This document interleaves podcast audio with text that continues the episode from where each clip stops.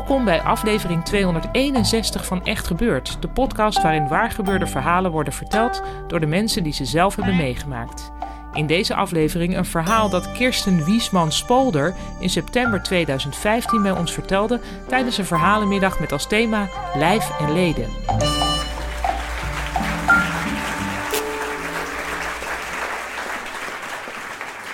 Ehm, ja. Het verhaal dat ik ga vertellen, dat begint in de winter van 2006. Ik zat volop in mijn studentenleven en genoot daar ontzettend van. Ik woonde in een groot studentenhuis met eh, heel veel meiden. En uh, ik was ook nog aan het studeren af en toe, want ik zag een grootse carrière vormen bij een van Nederlands multinationals. En uh, om nog even van die vrijheid te genieten, ging met een paar vriendinnen naar uh, Curaçao op vakantie. We hebben een fantastische vakantie gehad. Zon, zee, strand, palmbomen.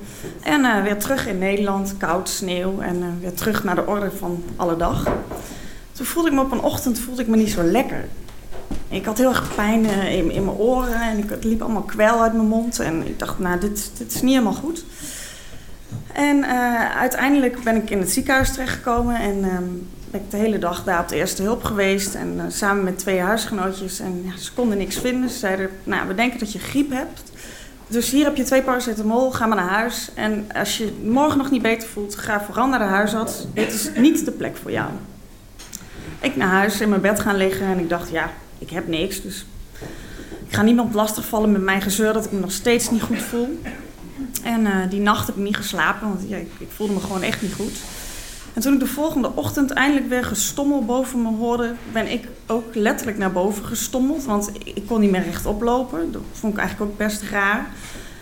En toen ik iemand tegenkwam, een, een huisgenootje, die, schrok en die begon gelijk te huilen. Want die zei, kijk, kijk, je bent helemaal een beetje blauw aangelopen en grijs. En, en ik dacht, ja, ik voel me ook echt niet goed. Maar, uh, dus ik ben weer in bed gaan liggen. En uh, toen was er gelukkig iemand anders, een ander huisgenootje, die zei... We gaan nu weer naar het ziekenhuis, want ik vertrouw het niet. Wij weer in een taxi, weer naar het ziekenhuis. En toen was het eigenlijk heel gek, want toen werd ik in één keer heel serieus genomen. En ik, lag in één keer op een bed. En ik kreeg alleen maar vragen over drugsgebruik. Want ik was net naar Curaçao geweest, maar ik had helemaal geen drugs gebruikt. Maar wat bleek, ik had vijf vernauwingen in mijn kransslagaderen. Is eigenlijk een heel groot hartinfarct. En ze moesten mij gelijk dotteren en uh, katheteriseren. En dat is mislukt. Uiteindelijk werd dat een open hartoperatie. Waarbij ze aderen uit mijn benen hebben gehaald en om mijn hart hebben gezet. En uh, kwam ik terecht op het intensive care. En daar heb ik een um, anderhalve week ongeveer uh, in een comateuze toestand gelegen. En mijn omgeving was nogal in shock, want ik was 22 en stond vol in het leven en genoten van. Nooit ziek geweest, er was nooit iets. En nu was het eigenlijk de vraag of ik hier nog uit ging komen. Toen ze me wakker maakte, toen um, en ik nog heel erg een beetje uh, aan het beseffen was van wat, wat er was. En ik besefte het eigenlijk nog helemaal niet. Ik dacht alleen maar, ik heb hier een hele grote, hele grote streep en overal pleisters en waar ben ik. En, maar een van de eerste dingen die in me opkwam was, ik moet mijn telefoon hebben. Ik wist namelijk dat het inmiddels 20 februari was.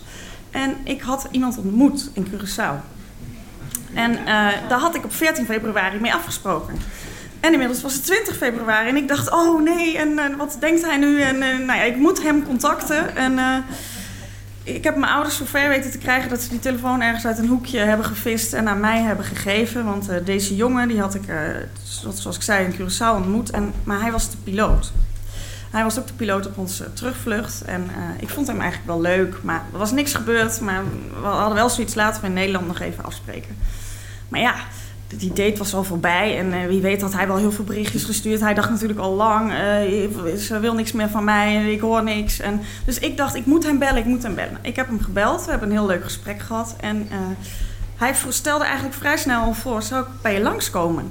Dus ik dacht, bij hem langskomen?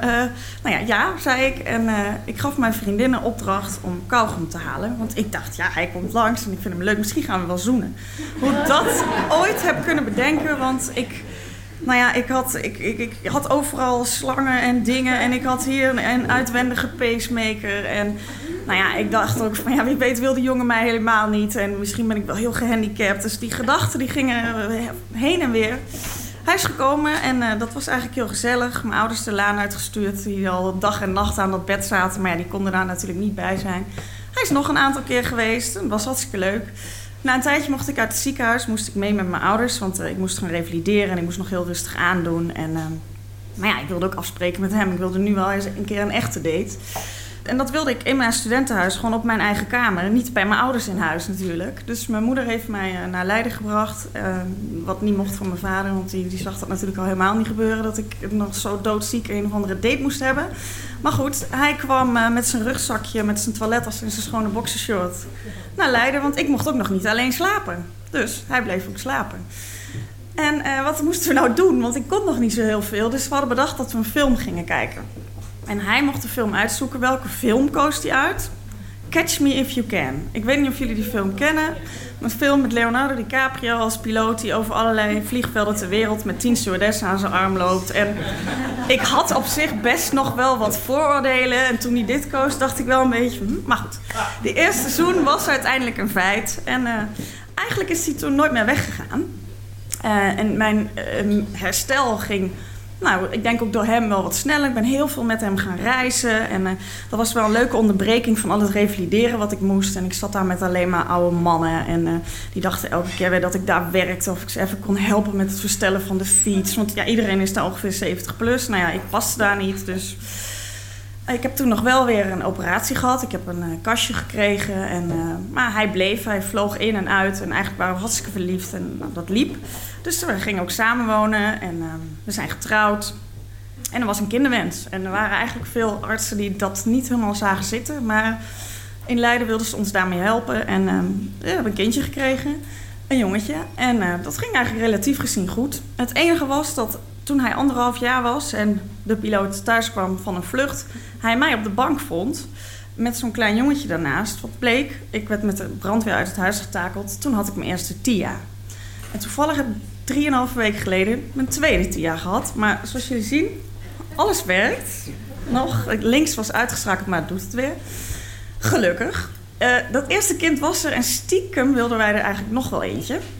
Daar was niemand heel erg blij mee. En uh, ook de artsen niet. Maar ja, ik had gewoon het vertrouwen, dat komt goed. Eerst ging ook goed. En, uh, dus wilden, ze ons mee in begeleiden en ik ben zwanger geraakt. Alleen toen kreeg ik helaas in week zes of zeven van de zwangerschap mijn eerste hartstilstand.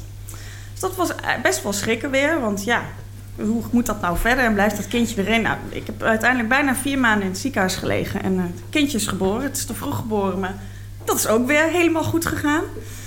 En ja, ik zat, denk er wel eens over na. Van weet je, heb ik nou geluk of heb ik nou heel veel ongeluk? Eigenlijk heb ik heel veel ongeluk, maar ik heb ook weer geluk dat ik nog steeds leef. En elke keer nou, ik heb nu een paar hartstilstanden gehad, hartinfarcten, open hartoperaties, twee TIA's. Uh, maar ik blijf, elke keer blijf ik bestaan. Ik heb nog 20%, 25% hartfunctie over.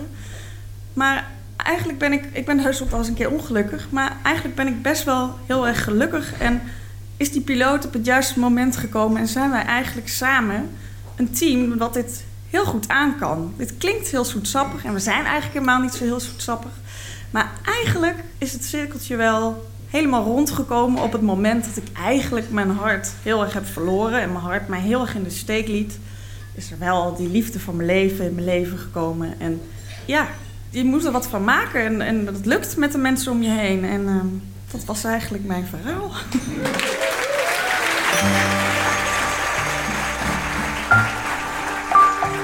Je hoorde een verhaal van Kirsten Wiesman-Spolder. Ze vertelde het vijf jaar geleden tijdens een echt gebeurtmiddag in Comedy Club Toemler. Kirsten mailde ons: Mijn gezondheid is sindsdien helaas verder achteruit gegaan, maar ik vind nog steeds bijna elke dag een feestje. Echt Gebeurd wordt gemaakt door de redactieleden Micha Wertheim, Sanne Pols, Rosa van Toledo, Maarten Westerveen en mijzelf, Paulien Cornelissen. Eva Zwaving doet de productie, Nicolaas Vrijman maakte deze opname en Gijsbert van der Wal verzorgt onze wekelijkse podcast. Dit was aflevering 261. Tot volgende week en onthoud, altijd kauwgom bij je hebben, want de liefde van je leven kan zich overal aandienen.